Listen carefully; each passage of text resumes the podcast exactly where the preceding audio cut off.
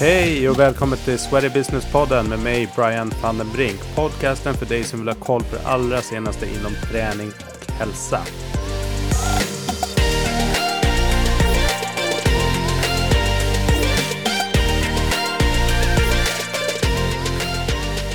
Ja men då säger jag hej och välkommen tillbaks till Sweaty Business-podden. Henning Holm. Jo, tack för det Brian. Det är en stor glädje att vara tillbaka på det som faktiskt är favoritpodden min. Och jag, jag hör på många podcaster, så kudos till er. Wow, det var kul att höra. Jag vet att du har nämnt det någon gång tidigare, men så tänker man att ja, man säger det för att vara, för att vara snäll. Men... jag är väldigt höflig, men jag säger bara, bara sanna ting allikevel. jag lyssnar på en hel del poddar själv också, så att jag försöker också forma den här podden utifrån vad jag tycker själv funkar bra i, i andra poddar och försöker sätta ihop någon slags... Eh, ah, ta lite delar här och varifrån helt enkelt. Mm, väldigt bra. Ja, då är det antingen du och mig som är väldigt lika eller så är det jäkla intressant, tror jag. ja, vi har en del lyssnare så att det, är, det är en del som, eh, som förmodligen tycker hyfsat lika. Och eh, nu när podden har legat nere under det här coronaåret så är det faktiskt en hel del som hört av sig också undrat när podden kommer tillbaka. Så någonting har man väl skapat i alla fall. Absolut, absolut, definitivt. Mm. Ja. Du, sist du var med i podden för ett drygt år sedan, då var du fortfarande på uh, träningskedjan Evo som konceptchef. Och då pratade du, jag och Jonas Lysianis lite om uh, Eh, Evo-konceptet och en del om eh, personlig träning. Men nu har du ju sen i somras bytt jobb så att du är eh, vd på AFPT som är Norges största utbildningsföretag inom träning och hälsa, eller hur? Det stämmer. Så eh, efter eh, först tio år i Sats och så tio år i EVO, totalt 20 år i träningsbranschen, så tänkte jag att eh, jag har inte lust att förlata träningsbranschen, men jag har lust till att jobba med utbildning. Så, så sånn kom jeg in i den jobben och det har varit ett spännande halvt år i, i koronaåret eh, med AFPT. Mm. Vi kommer ju in på både PT idag, PT framtid och eh, tröska igenom en del eh, corona såklart och vilken impact det har haft. Men jag tänker vi inleder med några um, uppvärmningsfrågor så att du får komma in i matchen här. Yes, kör! Yes, vilket är ditt bästa köp? Oh, vet du vad? Då tror jag nästan jag måste säga eh, huset som jag bor i också. För att eh, jag är ju gift och har tre barn. Och Eh, för ett par år sedan så köpte vi barndomshuset till min fru. Så här, eh, här trivs vi enormt bra. Det är en trygg arena för mina barn. Och, nej, det, om jag ska säga mitt bästa köp så må det faktiskt eh, vara det husköpet. Så tror jag är Brian. Mm, väldigt bra svar måste jag säga.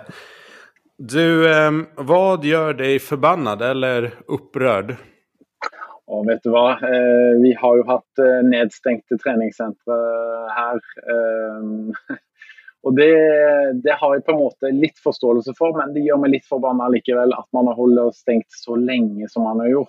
Eh, både i sista del av eh, fas 1 med corona och nu fas 2 där man har hållit centren eh, i Oslo, som jag bor i, nedstängt. Eh, jeg er for gode tiltak eh, for å begrense smitte, men jeg tror at treningssentrene kunne vært den beste arenaen för for å vedlikeholde og holde på helsen så lenge smittevernet er. Så, så jeg syns det er synd, og jeg blir litt forbanna på at man stenger träningscentret. Da er det heller andre ting man bør stenge samfunnet. Mm, absolut. Du, om du fick eh, en eh, obegränsad summa med pengar ifrån mig eh, till ett valfritt projekt, privat eller yrkesmässigt, vad skulle du göra? Det är ett väldigt gott spörsmål och eh, jag tänker att det är delt i två. Enten så vill jag bygga eh, flera skolor med fokus på aktivitet och läring för, för barn. Eller så vill jag faktiskt bygga mer moderne eldresentre, hvor man la opp til mer aktivitet for de eldre. Jeg, eh, jeg tror at uh, våre, våre, eldre, våre gamle, uh, etter de må på sykehjem, så, så sitter de altfor mye stille og ser altfor mye på TV. Så jeg skulle ønske meg litt moderne eldrevesen, rett og slett. Mm, väldigt bra. Du, en uh, app som du använder mycket?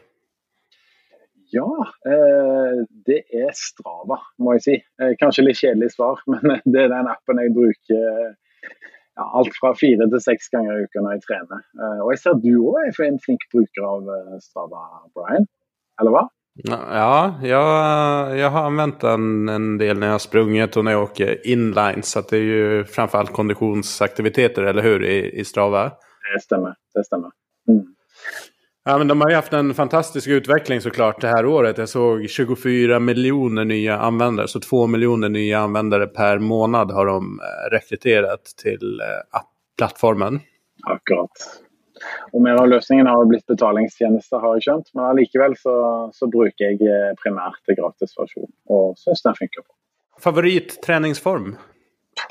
Ja, nå lå det kanskje litt i svaret mitt her, da, men uh, vet du hva? jeg løper fire til fem ganger i uka. Og så trener jeg styrke eh, to ganger i uken. Så uh, det blir stort sett en treningsøkt hver dag. Men tung styrke og lang løping, det er liksom Henning. Bra kombo. Ja.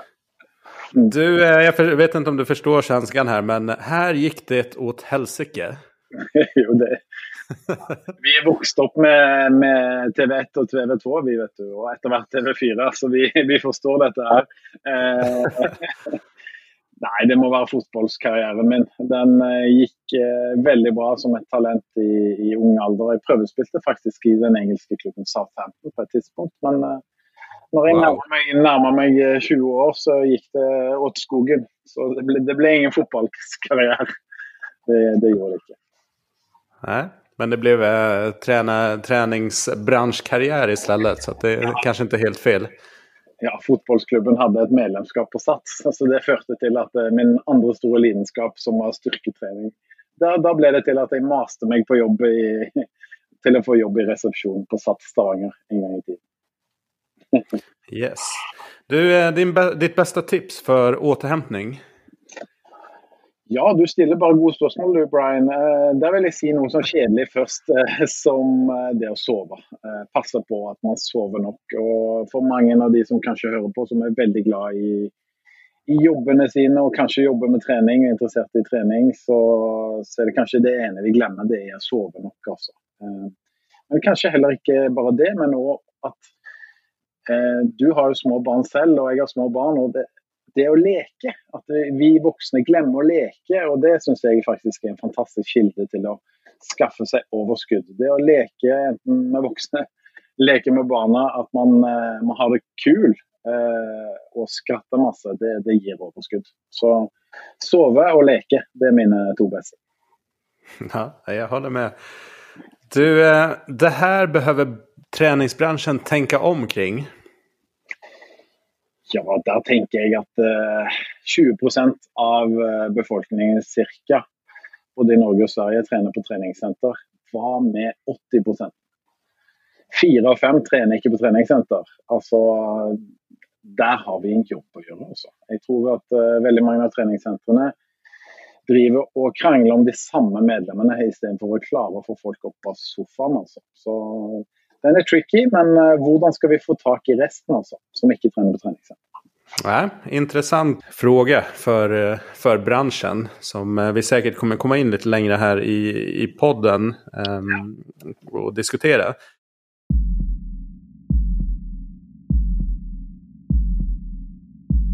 Men du, om man inte har koll på AFPT, så Akademin för personlig träning.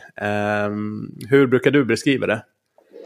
Du, Akademi for personlig träning det är marknadsledaren på PT-utdanning i Norge. Eh, vi utdanner et eller annet sted mellom 60 og 70% av personlige trenere som går ut som PT i Norge. Så vi har en, eh, vi har en viktig og sterk posisjon når det kommer til utdanning av PT. altså. Ja, det var ju väldigt starka siffror. Hur, eh, såklart, all cred, cred till er. Men om man kollar den svenska marknaden så är det mer utspritt mellan mm. Eh, flera olika aktörer som kanske har en mindre marknadsandel. Så det, vi har ju ingen sån dominant som ni är på, på den svenska marknaden i alla fall. Mm. Nej. Nej, vi, eh, vi har ju drivit da siden 2005, så vi har varit igång länge. Og så tror jeg det finnes mange årsaker til at det går bra med AFPT, og faktisk har gått ganske bra gjennom koronaåret. Men eh, jeg tror det handler i stor grad om selve utbildningen, men, men kanskje spesielt om lærerne. Vi har jo en stor lærerbase med 35 lærere faktisk, som, som er blant de beste på sitt felt. Da. Så vi har lærere som er ganske spesialiserte på sine temaer. Og Det tiltrekker nok eh, ganske mange studenter. Absolut. Du var, um, ehm, nu är det ett extremt speciellt år som du har hoppat in i den här eh, rollen. Så, så pandemin är en sak och den kommer vi in på. Men, men i övrigt, vad är din, eh, liksom, din, din största utmaning i, i rollen som ny CEO? Ja, eh, det är nog eh, koronarelatert mye av det. Det är att ha å skape og gjennomføre gode tiltak på smittevern når man har undervisning. Eh, vi har bl.a. Eh, mindre kohorter på undervisning med maks 20 studenter per kull osv. Um, og, og, det å gjennomføre deler av undervisningen på web altså, og prøve å tenke litt nytt, det har vært de store utfordringene. Som praktisk, eh, rett og slett. Men hvis du ser mer på de generelle utfordringene, så er de, de ganske selvpåført. Altså, fordi at jeg er veldig glad i detaljer og ganske perfeksjonist. Så jeg er nok alt fra vaktmester til foreleser til strateg.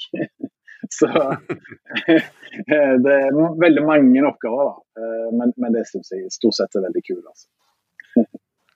Ja, härligt. Du, du nämnde ju här um lite mindre grupper. Du nämnde också mm, ja, viss del online. Men vad ser du liksom den stora förändringen kanske från hur utbildningar traditionellt har eh, utförts kontra hur de görs idag och kanske egentligen mer okay, vad, hur kommer det se ut och vad kommer man efterfråga framåt? Ja, Det åpenbare svaret på det er at det blir mer og mer digitalt. ikke sant? Fordi at uh, eh, Digitalt da, da, har man plutselig muligheten til å ha ganske mange studenter på undervisning. Uh, studenten eh, uh, krever jo mer fleksibilitet i dag òg enn de gjorde før. Før var det mer klasseromsundervisning, men nå er det både mer hjemmeundervisning med bruk av video, bruk av lydfiler, lese tekst selv. Ehm, samtidig så er det jo sånn at PT yrket er praktisk. Man skal være på gulvet med den enkelte kunde. Eh, I hvert fall sånn primært. Um, ehm, så finnes det jo online training og alt dette, men, men det er mer eh, et lite segment foreløpig, selv om det øker raskt nå. Så vi må, poenget mitt er at vi må ha en del av utdanningen eh, én til én med studenten. Eh, fortsatt, altså. Men eh, vi har hatt mer live undervisning på webb eh, som foregår eh, live da, eh, til, til, samme tid for lærer og student. Det, det, er det største skiftet vi har hatt i 2020. Mm. Mm. Jag, jag, ser ju det också och för de som inte vet då, så driver jag också ett utbildningsföretag som heter Human Performance här i, i Sverige. Men eh, vi ser ju också skiftet till eh, att lägga det som går att lägga eh, digitalt slash online. Men just det att alltså PT-yrket är ju ett praktiskt yrke. Det, det går inte att lära sig hantverket online. Du kan titta och observera online men du kommer aldrig liksom bli en bättre tränare sådär. För att det är ändå människor och du, alltså det händer saker i, i mötet mellan människor på golvet som det inte gör när du tittar på en skärm. Mm. Så det är, en, det är en liten utmaning. Men vi märker ju lite grann också att folk vill ha lite så kortare utbildningar. Man vill liksom ha väldigt, väldigt komprimerat. Eh, och vi ser det som en jäkla utmaning också. För att vissa saker måste också ta tid mm. att sätta sig. Och man behöver kanske gå tillbaka och arbeta eller testa på kompisar och liknande innan man kommer tillbaka till nästa session och liksom applicerar det igen. Hur, mm. märker ni no någon sån eh, skiftning till att studenter, elever vill komprimera programmet så mycket som möjligt? Ja, vet du hva. I, i Norge de siste tre-fire-fem årene så har PT-utbildningen bare blitt lengre og lengre. Og det har vært et mye større krav om kompetanse. Eh, og dette starta jo da med at bransjen selv ønska å ta tak i dette gjennom Virke, da, som er Det er vel Frisklivssentralen i Sverige, om jeg ikke tar feil. Som tok, ja. eh, tok tak i dette. og etter det så har jo PT-utbildningen blitt en årsenhet eh, for de aller fleste. Så tidligere så var PT-utbildningen eh, tolv helger ikke sant? med tettpakka undervisning de helgene. I dag så er det litt annerledes, for i dag har det blitt, eh, litt sånn at PT-utbildningen den er veldig mye som skjer digitalt, med video, lydfiler og tekstbøker. Eh, og så har man fem praktiske samlinger hvor man faktisk møter en lærer på treningssenteret og gjør de praktiske elementene som vi akkurat snakka om. Och så har man en praktisk eksamen. och Det utgör grunnutbildningen. Men hos oss i Norge då, så har vi noe i tillegg som, som eh, utgör resten av utdanningen, sånn at det blir årsenheter. Da må man ta to fordypningsstudier. og Da kan man velge mellom fire studier. Eh, og Da er det kostholdsveileder, endurance trainer, salg, markedsføring og coaching og rehab trainer. Da velger studenten to av fire av de emnene som de har lyst til å spesialisere seg på. Og Da utgjør det en årsenhet.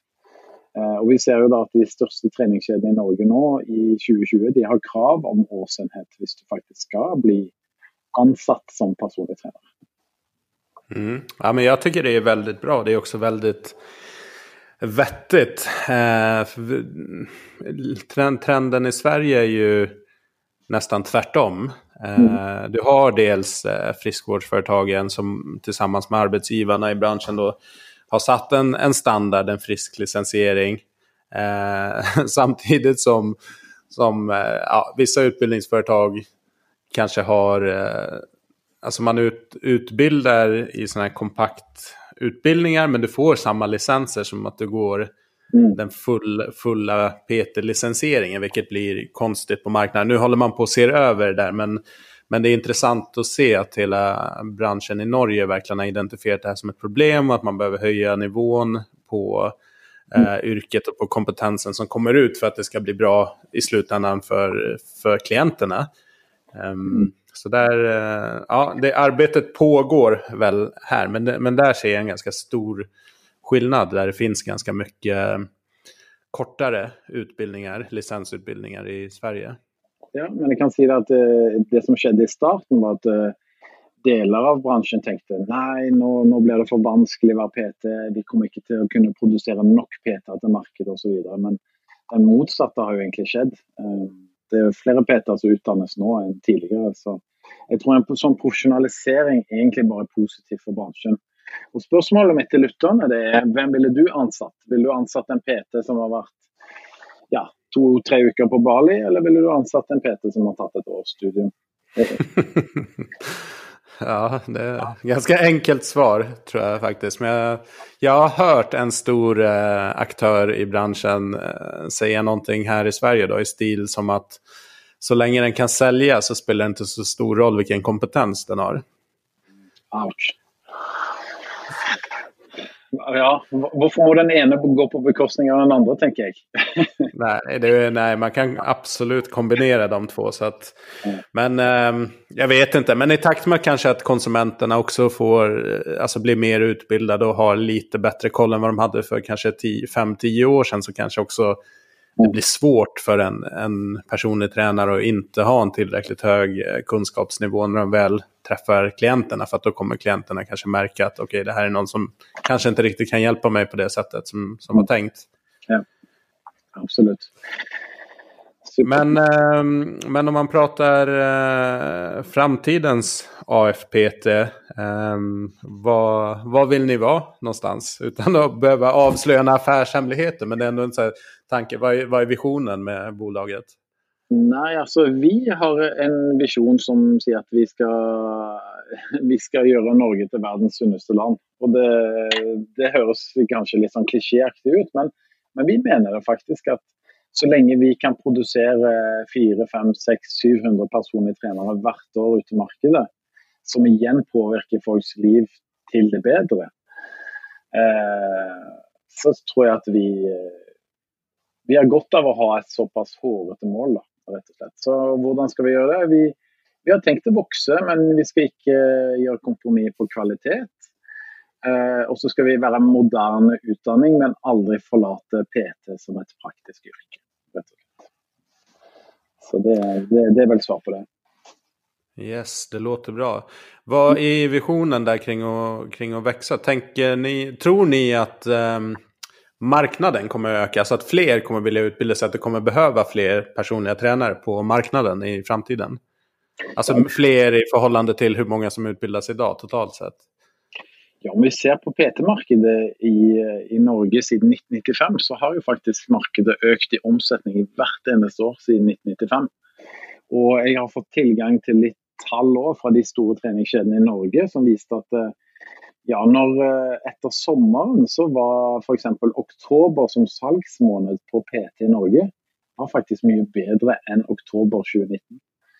Eh, så när man okay. ser det efter corona och allt, att folk faktiskt brukar ännu mer pengar på PT, så tror jag att PT verkligen kommer att förbli och att det kommer att fortsätta växa. Eh, och AFPT har ju faktiskt eh, haft ett av sina bästa år någon gång i 2020 eh, Eh, med antal studenter som har mält sig på.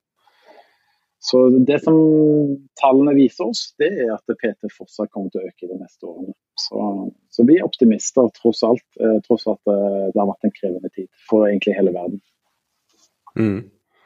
Nej, jag, jag håller med. Jag tror också att eh, det kommer bli ett jätteuppsving för träning och hälsotjänster. Så det gäller att vara rätt positionerad när marknaden sen vänder. För att någonstans också pandemin har varit och är väldigt tuff för, för de flesta. Men eh, är det någon bransch som har fått väldigt mycket som har faktiskt spelat dem i händerna så är det faktiskt träning och hälsa. Med tanke på att det är så mycket i folks medvetande kring ändå det har pratats kring vikten av, en, eh, av att ha en fullgod fysisk eh, status egentligen för att vara resistent. Så att nu har vi egentligen fått något mm. extremt konkret som många människor kan ta till sig. För jag tror att konkret har det nog varit tidigare, men kanske konkret för de som redan är frälsta. Att man förstår hur sömn, träning, eh, mm. arbete, hur det hänger ihop. Men, men om man inte har förstått det innan och liksom kanske inte connected the dots riktigt så kanske man gör det nu i ett helt annat sammanhang. Okej, okay, det här är kanske någonting som som till och med kan vara livsavgörande i vissa situationer.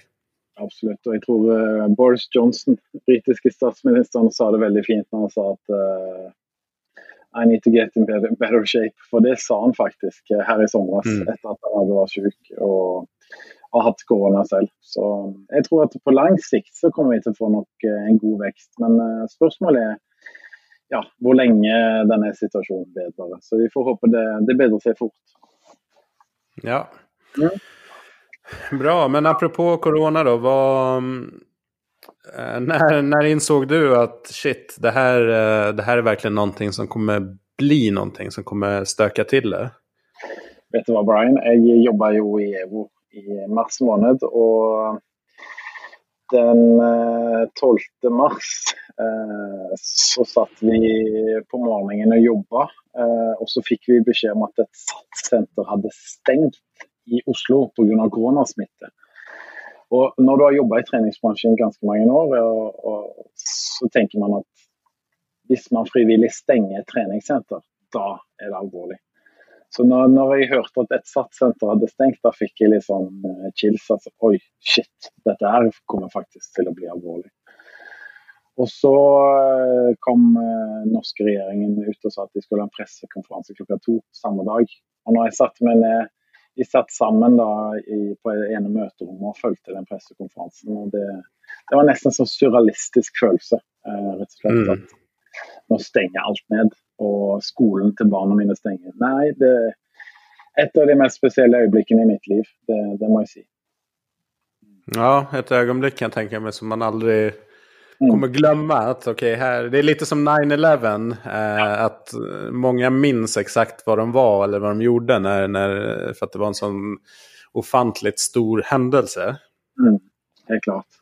Men jag, eh, jeg var ju glad för att jag var en del av ett bra team och, og vi satt och jobbade med pizza takeaway på møterommet och gjorde det vi kunde för att ta godt vara på trots allt 35 000 medlemmar hos Evo som, som skulle ha information om allt som som kom till att ske och så vidare och lägga en strategi för de kommande månaderna. Så det, det var spännande, inte sant?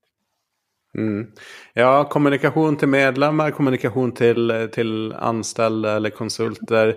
Vad, alltså när hela ens business stängs ner liksom på, ett, på ett ögonblick. Vad, vilka är de största pusselbitarna man behöver ta tag i eh, som ledning?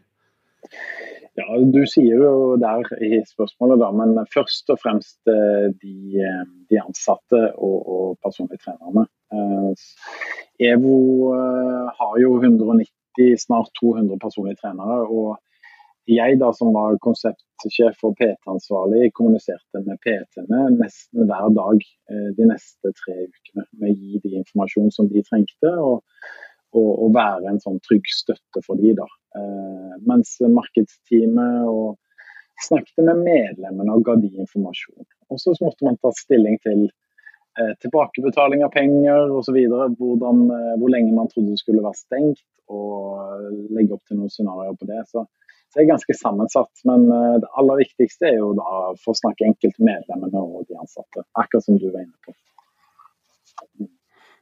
Mm.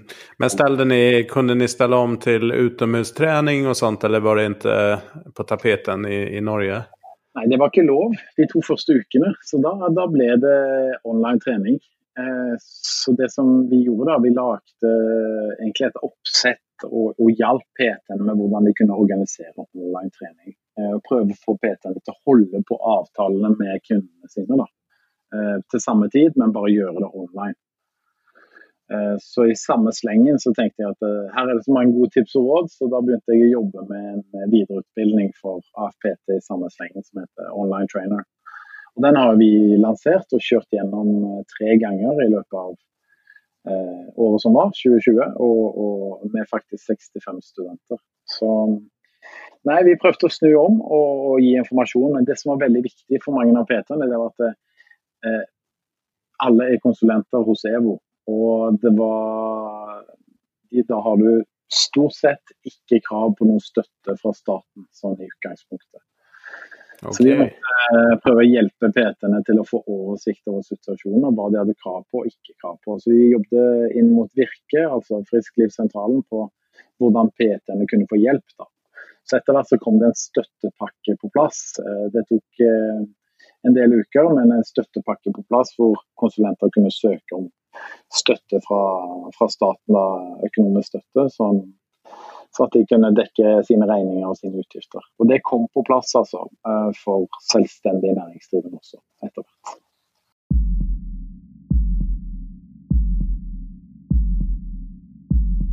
Ja, spännande eh, tider alltså.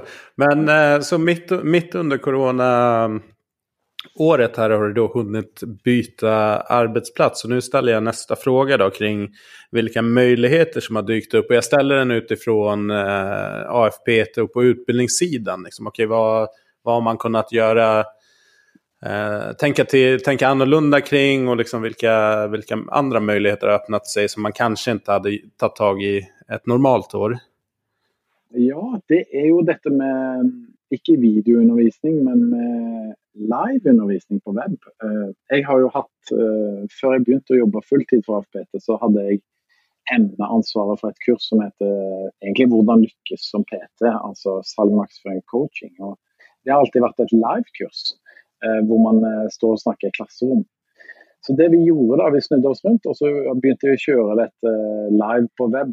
Sånn at studentene kunne sitte hjemme i sin egen sofa egentlig hvor som helst i Norge och, och lyssna på mig och min eh, med, med eh, uh, föreläsare Andreas Skjetne. Så vi lagde det egentligen som en typ av sån uh, vanlig undervisning, men lite mer som podcast.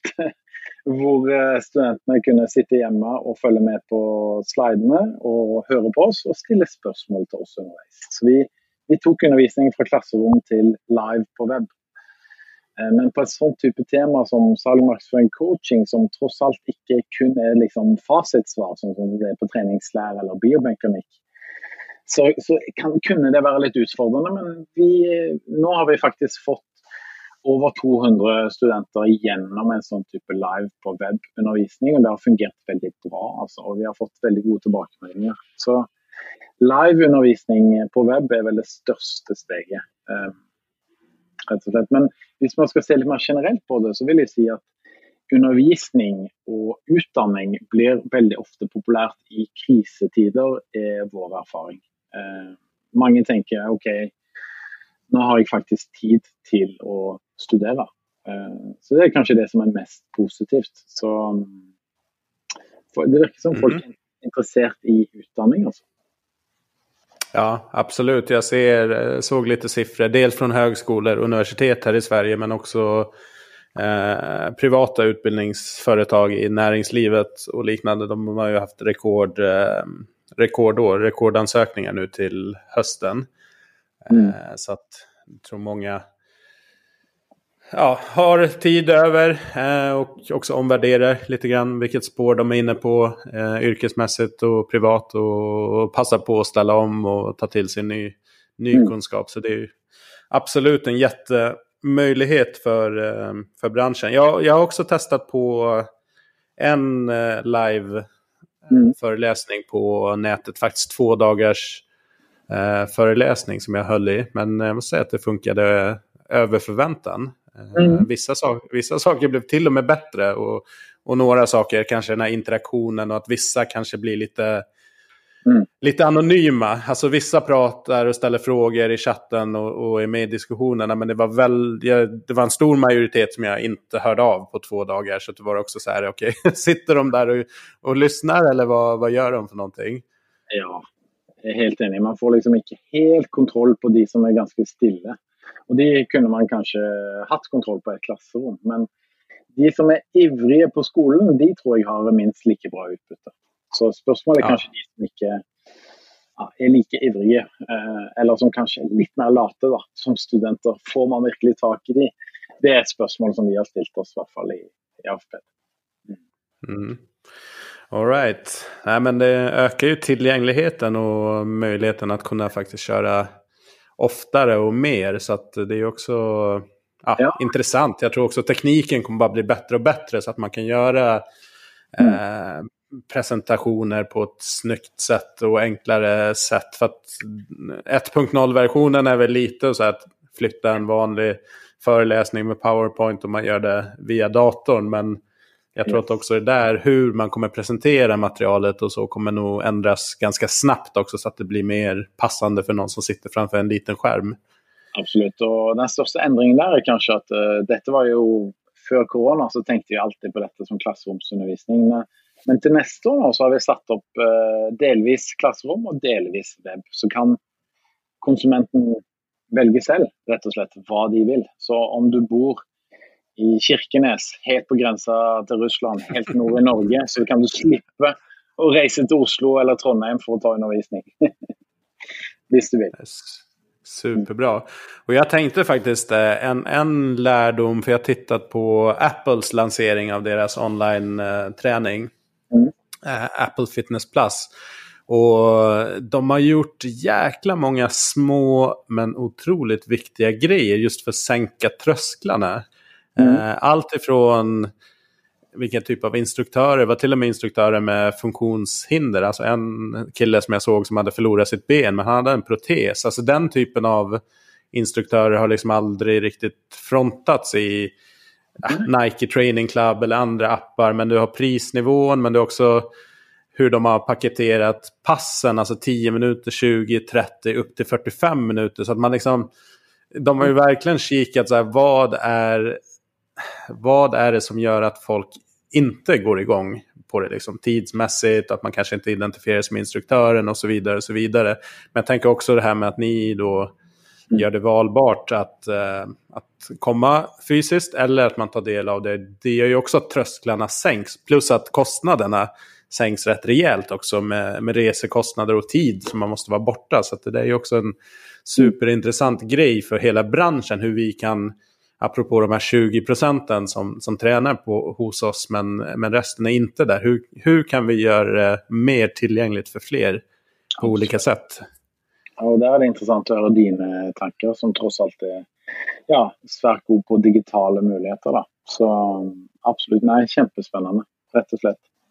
Hur kommer, kommer det förändras hur eh, personlig träning levereras i framtiden och vilka typer av tjänster eh, mm. som PTS kommer erbjuda? Ja, vet du hva? Du, eh, Brian, jeg har lagt en sånn survey jeg, som jeg har sendt ut til personlige trenere over hele Norge. Jeg har fått inn eh, over 100 svar. Eh, og der har jeg spurt eh, PT-ene hva, hva, de synes om dette her, og hva som har skjedd. Og hvilke tilpasninger som de har foretatt seg. Da, og da, da sier hele 66 at de har begynt med mer utetrening. Så de har eh, klientene sine mer utendørs, rett og slett. Og Så kan man ja. si hvordan er det mulig i Norden når det er kaldt osv., men mange sier at det fungerer overraskende bra. Og så sier eh, 46% at de har begynt å drive med online trening, som, som vi akkurat var inne på. Så her eh, tror jeg vi har tatt kvantesprang på veldig kort tid altså pga. Koronakrisen. Men eh, de sier jo andre ting. De sier at de Eh, har PT hjemme hos kunden. ikke sant? 23% sier det. Eh, 14 sier at de har bygget eget hjemmegym, rett og slett. De har bygd eget gym og har kundene sine der. Eh, og så sier eh, 14 at de har begynt med PT-grupper. Eh, det som jeg tør å si da, ut ifra disse tallene, det er at PT-ene faktisk har vært en av de yrkesgruppene som kanskje har vært spesielt kreative for å ivareta hverdagen sin som PT. Så dette er kjempespennende. og Man kan jo stille seg spørsmålet hva betyr det for PT-en på treningssenteret?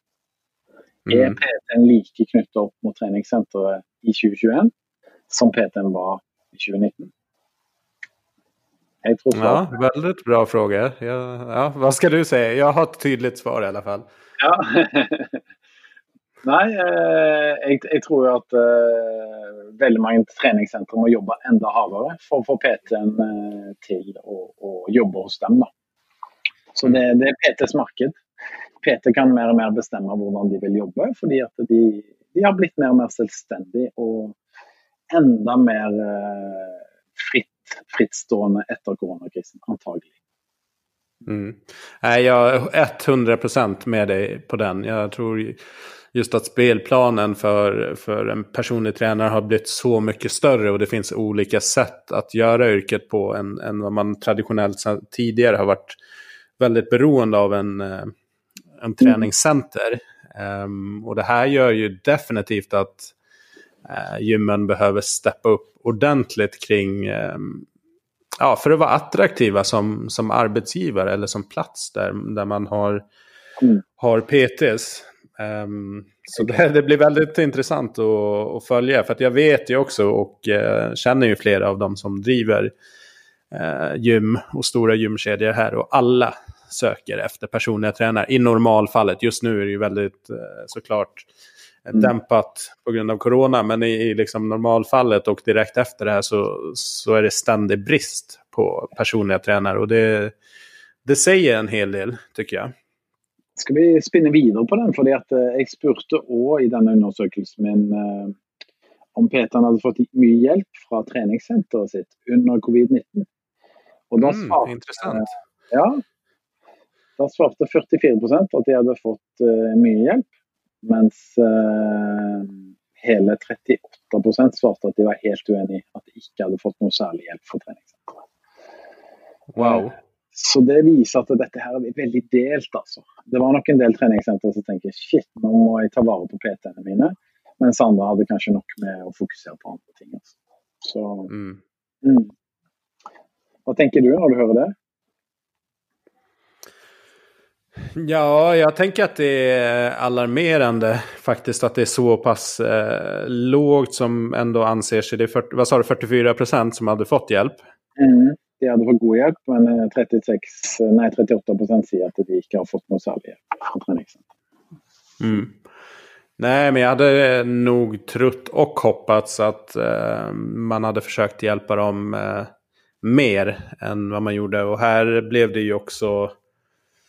Mm. Ja, när, när du, I och med att eh, löne, eh, alltså avtalen för en PT i Sverige i alla fall ser ju oftast ut som att du har ju noll i mm. grundlön. Och sen har du provision på allt du säljer egentligen. Och sen vissa bonusar, om det kan vara teambonusar eller individuell bonus baserat på vilken volym man kommer upp i. Så att det som händer när kunderna inte kommer till gymmen eller, ja, eller gymmen stängs ner som också hände. Att Sats eh, på eget bevåg i Sverige stängde ner men ingen annan stängde ner. Så att deras PT står ju helt utan mm. eh, möjlighet att träna med sina klienter på gymmen. Ehm, och sen gjorde eh, de, de duktiga tränarna gjorde ju någonting utav det, tog ut sina klienter och så vidare. så vidare. Men då vet jag, för att jag pratade med några som jag känner, att då frågade deras klienter, de bara varför ska vi betala eh, fullpris till Sats när det är du som levererar eh, tjänsten och vi gör det utomhus eller hemma hos klienterna. Så att det var också klienterna som ifrågasatte, okej okay, men varför ska jag betala x antal kronor per timme Eh, här mm. nu när det är till Sats i det här fallet. Eh, mm. Så um, nej, alltså jag, alltså jag ser det så här. Varför? Tidigare så var det liksom inga problem för gym att hitta personliga tränare. Det var liksom mm. gymmens marknad. Och sen har det där vänts om. Uh, så jag är inte förvånad att många upplever sig att de inte har fått Eh, så mycket hjälp eh, som de hade förväntat sig. Eh, och jag tycker det är ett symptom också generellt sett kring att det mm. finns absolut de gymmen som, som sköter det jättebra, som bygger jättestarka PT-team, ingen snack om saken. Men mm. på generell basis så är jag faktiskt tveksam till, till hur det här hanteras, om jag ska vara ärlig. Absolut, och jag tror att träningscentren har ja, det er en ehm, høyere listen ligger högre än tidigare altså, för att både bygga PT-team och eh, komma med tillfredsställande lösningar för PT. Så, så här tror jag treningssentrene måste steppa upp. Eh, de måste vilja satsa på PT och satsa på att bygga PT vidare om, om de ska tiltrekke sig de, de främsta PT i markedet. Alltså. Det tror jag. En annan intressant spaning på det, det är ju också att en hel del PTs som faktiskt sen kommer ut i arbetslivet och jobbar på träningscenter, så, när, så fort de blir...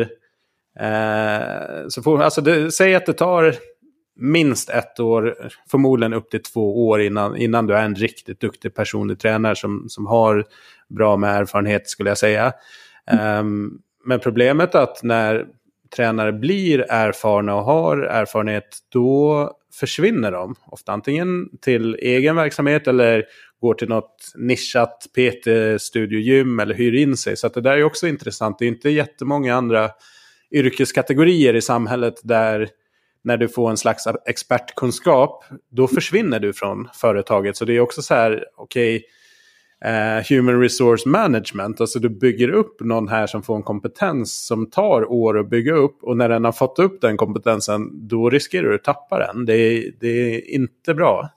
Absolut inte. Jag tror att eh, ja, om du ser på vad som gör Peter lycklig då, i en jobb, så är det ju väldigt ofta du, måste må ju ha en, du må ha en god lön. eh, och så må du ha tillgång på kunder. Ikke sant? At det må være et potensial for å få kunder der. Og så er Peter veldig opptatt av treningsutstyr. Veldig glad i det. Eh, men så har du siste punktet, som òg er viktig. For du kan ikke bare de tre første. Du må ha det at det finnes muligheter for å vokse, rett og slett. Mm. Eh, om det er faglig, eller om det er ja, yrkesretta. At det, kanskje man blir PT-leder for de andre PT-ene, eller en slags master PT. Eller om man kan gå inn i andre roller etter hvert akkurat der, der tror jeg mange av treningssentrene ikke er flinke nok til å bygge fremtidige muligheter da, for PT-ene. Og, og, da forsvinner PT-ene og lager sitt eget, eller begynner å jobbe med den der ene guruen som samler alle PT-ene til et PT-senter, eller hva det skulle være. Så ja, det är spännande. Väldigt spännande. Mm Ja, vi får se vad som händer. Det kommer hända mycket i alla fall, men eh, omöjligt att säga exakt var hur ja. det kommer hamna. Det kommer i alla fall inte gå tillbaka till exakt som det var innan. Det kan vi nog vara ganska säkra på. Nej, vi var ju ganska rädda för att många Peter kommer att sluta i yrke. Det snackade vi väldigt mycket om i Norge i april, eh, maj. När centren bara var stängt och vi inte fick öppna igen för 15 juni. Jag tänkte tre månader med stängt, inte sant? Så det, det var tøft, altså. Men eh, vi har spurt eh, i undersökelser om PT, om, om det är många som har slutat och då säger 5 at de har tatt pause fra yrket. Mens eh, neste spørsmål på om de har bytta yrke, så sier 5% at de har det. Og så Så 90 fortsetter jo da enten med flere bein å stå på, eller at man jobber som før. Og Det er jo ganske beroligende å se da. Eh, at det ikke er mange som har slutta i bransjen. Nej, det är bra för vi behöver ju duktigt, kompetent folk som verkligen kan hjälpa eh, mm. kunderna. Det gör vi. Ja. Ja, är det något mer eh, data från er eh, survey som ni har gjort som är intressant eh, i det här sammanhanget? Eller? Ja, om vi ska snacka lite om om en PT ska lyckas idag så måste man gärna göra en sån salg och marknadsföringsaktivitet. Alltså, vi spurte vilka nya kanaler har du som PT benyttat dig av? Och då, då svarte ju 53% att de har börjat bruka mer Instagram. Medan 35 nej, 31% svarte mer Facebook. Och att hela 16% har börjat att jobba mer med sin egen webbsida. Så PT-ene har blivit mer digitala i den tiden här. Det, I hvert fall i marknadsföringen sin. Det tror jag man ska tørre å si. Ja, superintressant. Och det, jag märker ju det eh, väldigt tydligt att intresset för, eh, för hur man ska lyckas på vi kom nå ut via sociala medier framförallt har, har ökat eh, betydligt mer än vad det gjorde innan. Jag tror att mm. ja, man kanske inte behövde, om man jobbar på träningscenter så finns det ändå en kundunderlag att arbeta på traditionellt sätt där på anläggningen. Men när du kanske inte har en naturlig samlingspunkt på samma sätt dit alla medlemmarna kommer, ja då behöver ju du komma till medlemmen på, på ett eller annat sätt. Så då är ju såklart mm. eh, digitala kanaler eh, en väg att gå. Ja. Och sista spørsmål som jag kan ta med, da, det er at eh, vi har sett lite på eh, kundene. PT-kunder, rett og slett. Mm. Eh, og hvordan man upplever kundene. Og, og da har vi gitt eh, noen svaralternativ på mer bevisst på renhold, om kunden vill träna eller om de inte vill träna. Om de vill träna med avstånd, om de vill träna på andra plattformar eller om de vill träna i grupper. Och det som är det mest populära eh, svaret är att eh, kunden är mer bevisst på renhåll. Det säger 83 så det är något att tänka på som PT, att du faktiskt vaskar av apparatet, att du håller avstånd till kunder och så vidare. För det är kunderna upptatt av, i alla fall här. Och så säger hela 77% att de vill fortsatt träna. Så är det bara 11,5% av PT-kunder som inte vill träna. Så, så det verkar som att kunderna virkelig har lyst til å fortsette treningen sin. Ehm, så pass på det at du som PT, tenker jeg, hvis du PT du som lyssnar på, at du prøver fortsatt å oppmuntre kunder til å komme på trening. Gjerne pushe de litt. altså. Og Den kundegruppen som har økt mest under korona, det er de som er mellom 35 og 45 år. Så okay. det, det, er kanskje litt å, å tenke på. Og det, det, er den gruppen jeg er i selv. Och jag känner på det hur viktig träning är för mig som har hemmakontor, har tre barn. Eh, träningen är viktigare än någon gång för att komma ut och, och ha något att finna på. Alltså skaffa mig jobb. Absolut, kan bara hålla med. Givet allt det här som händer då, vad tror du, kommer det behövas några nya kompetenser eller skills för personliga tränare som, eh, som fler kommer behöva ta till sig för att kunna hantera det nya landskapet? Ja, jag har en reflektion på det. Och det är att, eh, som vi snackade lite inledningsvis, så blir det antagligen eh, mer digitalt och mer online. Men det som det kräver, det är egentligen bara mer faglig kompetens. För de sista åren så har vi snackat om soft skills för PT-ene. De måste vara goda med människor, de måste vara goda på salg, och det har branschen jobbat ganska mycket med i Norden de sista åren. Men om du ska driva online träning, så försvinner lite av den där mänskliga, den menneskelige mänskliga kontakten. Den försvinner lite litt. Den är fortsatt jätteviktig, men forsvinner försvinner lite. Och då är det enda mer fokus på fag. Så om PT ska hänga med så tror jag att de måste bestämma sig för om de ska jobba enten en till en som vanligt eller om de ska jobba digitalt. Och om du ska jobba digitalt så måste du i hvert fall sørge for at du kan kommunicera de fagliga elementen på en skriftlig måte eventuellt på en live eh, kommunikationsplattform. Da. Så det, du må tenke litt mer på vilken plattform du ska välja och oppi allt så tror jag det att det, det faglige blir enda viktigare. Så, mm. Jättebra. Mm. Så der som PT-en før kunne slippe litt unna med litt skjerm og ja, litt sånn hyggelig atmosfære på PT-timen, du kan ikke gjenskape det om du driver med online coaching. ikke sant? Så da må det, kompetensen være enda høyere. Rett og slett. Mm. Det är jättebra och intressant eh, spaning. Jag hade dialog med en, eh, en leverantör utav eh, eh, vad heter det? kroppsmätning, alltså kroppssammansättning. Eh, just kring det där och de trodde ju att man inte skulle behöva så mycket kompetens som, som online-tränare utan att man skulle kunna göra mycket mer light PT-utbildningar. Men jag, jag var på din linje att ja, fast du behöver ju ändå kunna yrket i grunden, alltså ge lite grundläggande råd, ja absolut. Men om du ska ta kunden vidare på en kundresa så behöver du ju kunna dina saker. Då kommer det ju inte funka med någon som bara ger ut generella råd men som inte egentligen har en aning om vad den driver med. Det er jo klart, og spesielt de skriftlige ferdighetene til PT-en.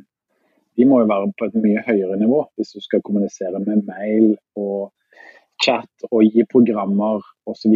til kunden. ikke sant? Eh, eller om man bruker software-programmer til å hjelpe. Men skal du kunne hjelpe kunden, da, da må du kunne forutse scenarioer på trening, hva som kan kunne hende eh, i den e-, ene og andre øvelsen hvis du ikke skal være til stede med kunden. For der kan du jo hvis du har en vanlig PT-time, så kan du tilpasse underveis og se underveis. Mm. Men det kan du ikke gjøre på online-trening på helt samme måte. Og da må du ha faglig kunnskap uh, som er enda sterkere. Det, det, er jeg ikke i tvil om, rett og slett.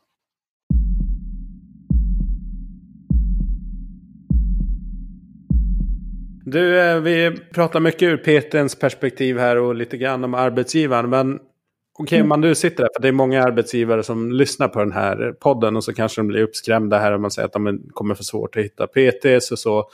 Men vad skulle du säga om man som arbetsgivare, vad kan man göra för att vara mer attraktiv i, i framtiden? Du var inne på några saker där ska jag, ska jag nämna, men eh, har du något mer att tillägga där kring vad man kan göra för att okay, stärka sig, sitt arbetsgivarvarumärke?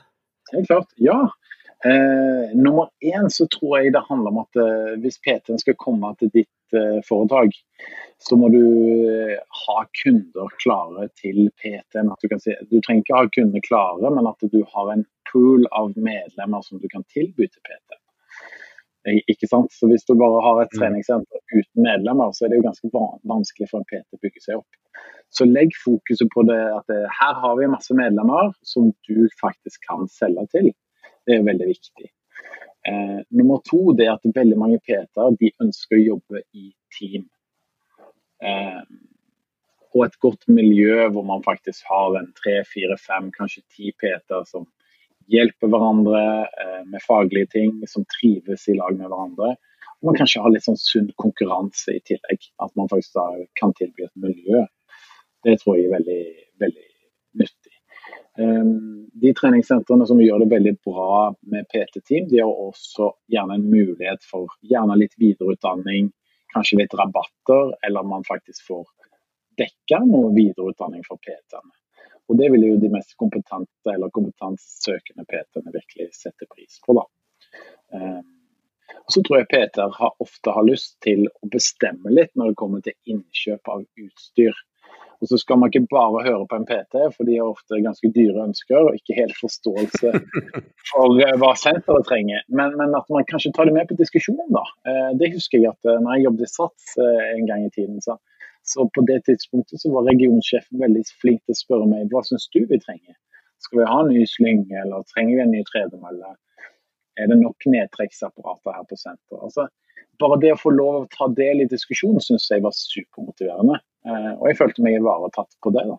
Så det, det, tror jeg kan være smart. Og så, så, har du dette med lønn og bonus. At det, det, trenger ikke være nødvendigvis best i markedet, men det må være på et type nivå hvor jeg føler at eh, uh, lønn er tilfredsstillende. Uh, det, trenger, det må være sånn at jeg ikke tenker at uh, alle andre tjener bedre enn meg osv. Men må det være best i bransjen? Ja, det får den enkelte vurdere. Men det kommer litt an på målet, da. Om man skal ha en god inntjening på PT. Om man tenker volum, eller om man tenker om PT skal være selvstendig osv. Så, så det kommer litt an på strategien man velger. Men jag tror att om man har dessa punkterna här och, och, och PTn ser att det, det finns en framtid för mig här. Det finns ett eller större mål som jag eh, kan vara en del av. Då tror jag att det är stor chans för att du faktiskt klarar att behålla PT över lång tid.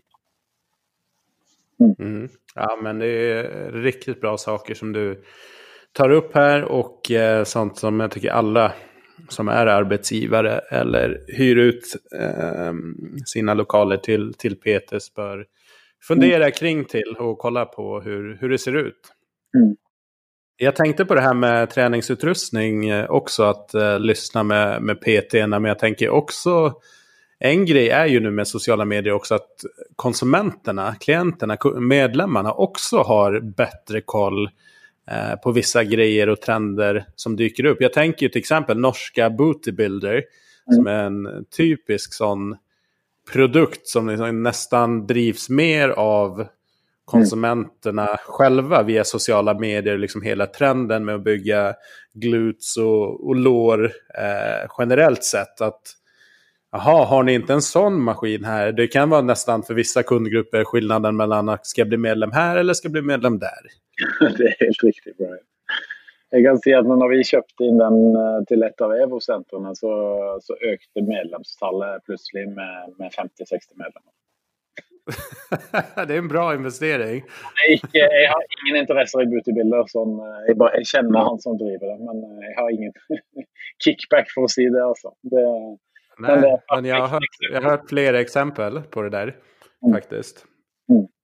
Det har det. Så det, nej, det är spännande och det säger lite om, om konsumenterna och vilken kraft de har.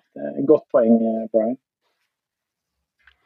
Eh, så att ja, lite större öron och titta sig runt lite mer än att bara arbeta utifrån det man kanske tidigare har gjort och sin egen kunskap. Att man, man behöver ha tentaklerna, som man säger, ute mer på olika touchpoints. Helt klart. Och, och snacka med både petarna sina och snacka med medlemmarna. Jag tror att eh, väldigt många gymägare hade nog haft, eh, haft gott av att bruka en hel dag undercover. Ett av mina favoritprogram på tv, Undercover Boss. det är superbra. Det är, ja, jag har sett det. Jag tycker också det är briljant just att man får det är verkligheten på ett kontor. Både du och jag har jobbat eh, centralt på huvudkontor och, och ute i verksamheten. Men det, det, det, finns grejer som man inte snappar upp när man sitter på ett kontor. Som man inte förstår om man inte är ute i verksamheten. Absolut. That's why I still have four PT clients. Jag har fyra kunder eh, varje vecka. De håller mig gott på jorden, för att säga det så. Superbra.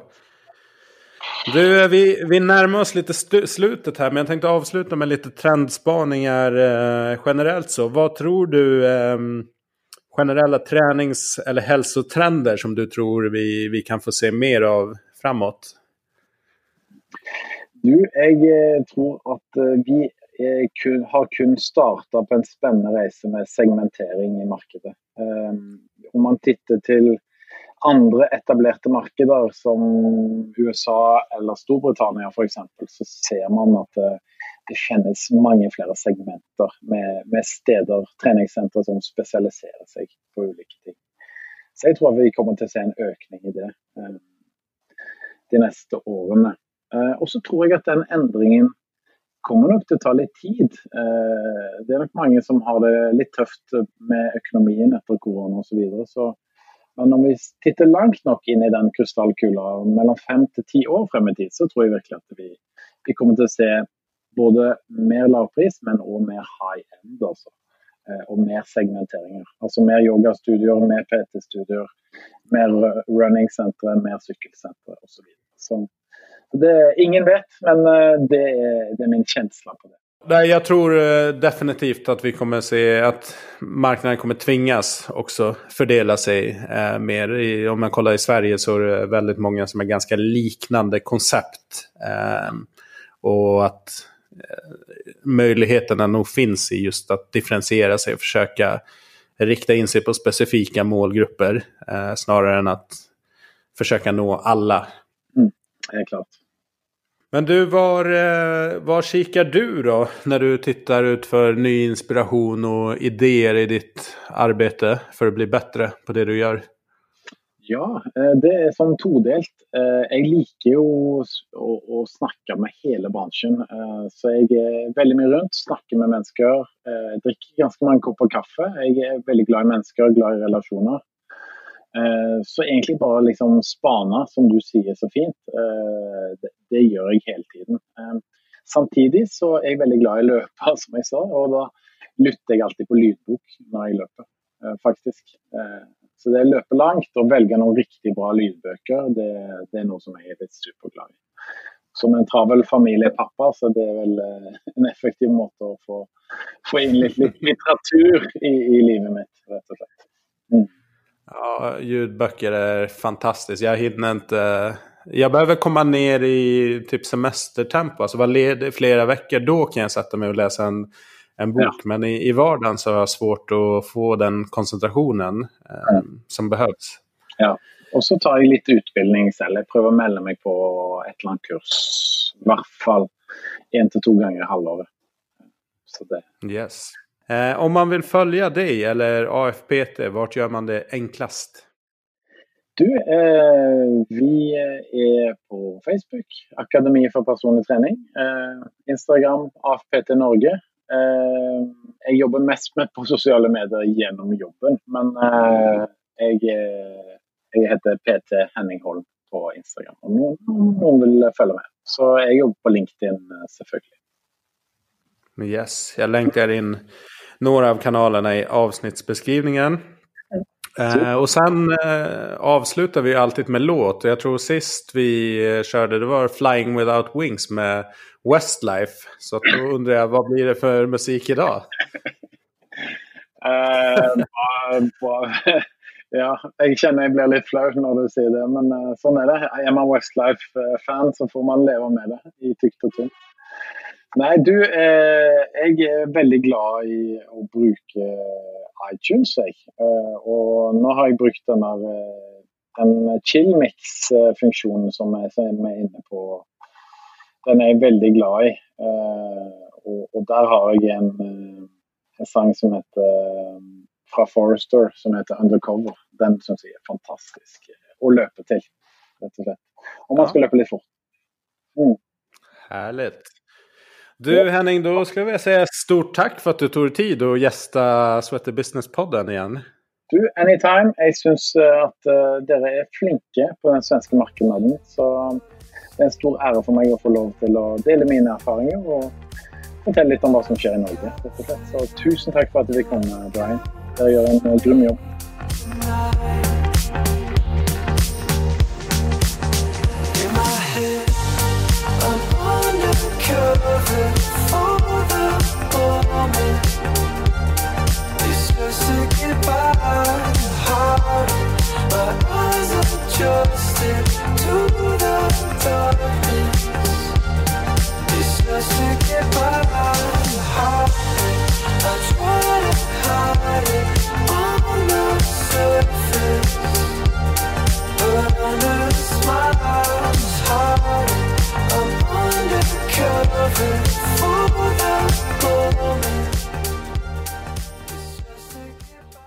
Tack för att du lyssnar på podden. Vi skulle bli jätteglada ifall du hade lust att lägga en liten rating på iTunes så att vi kan nå ut till fler. Häng gärna med i vardagen på sociala medier, Facebook, Instagram, LinkedIn, Sweaty Business. Alternativt på vår hemsida sweatybusiness.se. Har du några frågor, tips, funderingar, förslag på gäster? Maila jättegärna oss på info at sweatybusiness.se.